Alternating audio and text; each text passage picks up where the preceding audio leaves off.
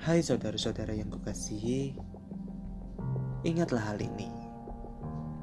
Setiap orang hendaklah cepat untuk mendengar, tetapi lambat untuk berkata-kata, dan juga lambat untuk marah.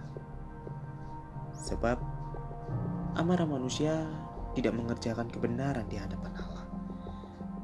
Sebab itu, buanglah segala sesuatu yang kotor dan kejahatan yang begitu banyak itu. Dan terimalah dengan lembut, lemah lembut, firman yang tertanam di dalam hatimu, yang berkuasa menyelamatkan jiwamu.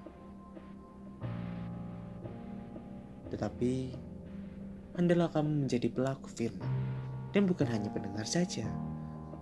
Sebab, jika tidak demikian, kamu menipu diri sendiri.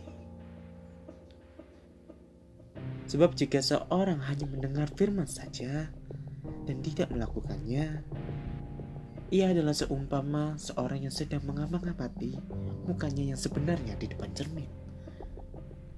Baru saja ia memandang dirinya.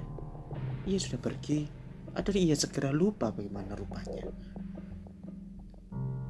Tetapi, barang siapa meneliti hukum yang sempurna, yaitu hukum yang memberdayakan orang dan ia bertekun di dalamnya. Jadi bukan hanya mendengar untuk melupakannya, tetapi sungguh-sungguh melakukannya. Ia akan berbahagia oleh perbuatannya.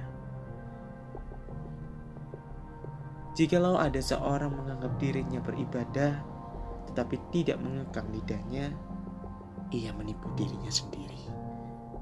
Maka sia-sialah ibadahnya. Ibadah yang murni dan yang tak bercacat di hadapan Allah Bapa kita ialah mengunjungi yatim piatu dan janda-janda dalam kesusahan mereka dan menjaga supaya dirinya sendiri tidak dicemarkan.